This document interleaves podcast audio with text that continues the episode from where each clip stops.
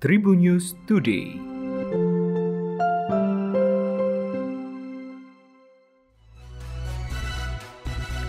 Hai Tribuners, berjumpa dengan saya Delta Gonzales dalam Tribun News Today untuk edisi hari ini. Kita awali dari berita nasional. Gerhana bulan total atau super blood moon di Indonesia akan terjadi pada tanggal 26 Mei mendatang, tepatnya pada perayaan Hari Waisak. Fenomena spesial ini bisa diamati langsung tanpa memerlukan alat bantu optik. Fase awal gerhana bulan dimulai pukul 3 sore lebih 46 menit waktu Indonesia Barat yang melintas memotong Papua bagian tengah. Dan fase puncak gerhana bulan total terjadi pada pukul 6 sore lebih 18 menit waktu Indonesia Barat. Fase ini bisa disaksikan di seluruh wilayah Indonesia, kecuali sebagian kecil Riau, sebagian Sumatera Barat, Sumatera Utara, dan Aceh. Diketahui fenomena super blood moon ini hanya akan terulang setiap 195 tahun sekali. Fenomena serupa baru akan terjadi pada 10 Mei tahun 2199, 21 Mei 2217, dan 16 Mei 2394. Terakhir terjadi pada 21 Mei tahun 1845 silam. Lady Gaga menceritakan masa kelamnya yang pernah menjadi korban pemerkosaan hingga hamil saat dirinya usia 19 tahun. Pemerkosaan itu dilakukan oleh seorang produser musik yang tak disebutkan namanya. Wanita bernama asli Stefani Joanna Angelia Germanota ini bahkan sampai menderita gangguan mental.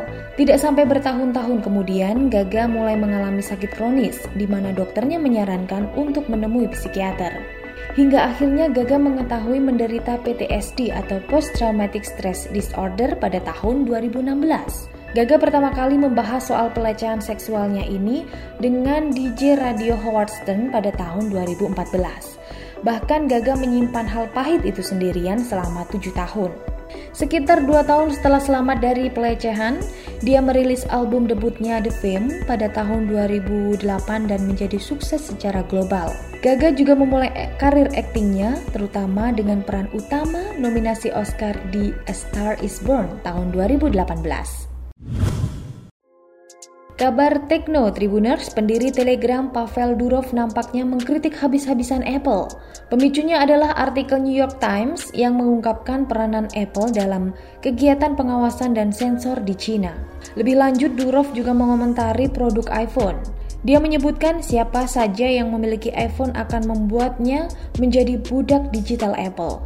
Durov juga menyebutkan layar iPhone adalah teknologi yang usang yang dihargai kelewat mahal. Menurut laporan New York Times, Cina penting bagi Apple karena di sana sebagian besar produknya dibuat. Dengan demikian, Cina menyumbang sekitar seperlima dari pendapatan Apple. Meski usia tak lagi muda, pebalap legendaris MotoGP Valentino Rossi bertekad untuk bisa melanjutkan karir balapnya pada musim depan di tahun 2022. Berdasarkan jadwal, masa rehat tengah musim akan dimulai setelah seri balap ke-9 MotoGP 2021 di Belanda pada 25 hingga 27 Juni. Dan kejuaraan dunia ini akan kembali bergulir pada 6 hingga 8 Agustus. Dengan demikian, Rossi kemungkinan akan menyampaikan keputusannya terkait masa depannya sebagai pebalap pada musim panas nanti. Rider Italia berjuluk The Doctor ini berniat untuk memberikan performa terbaik demi satu misi, yakni tampil balapan di Indonesia.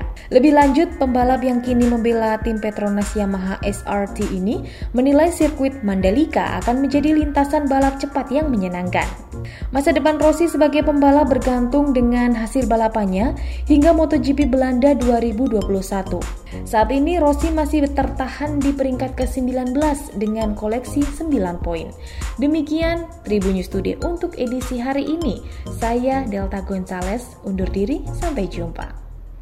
Tribun News Today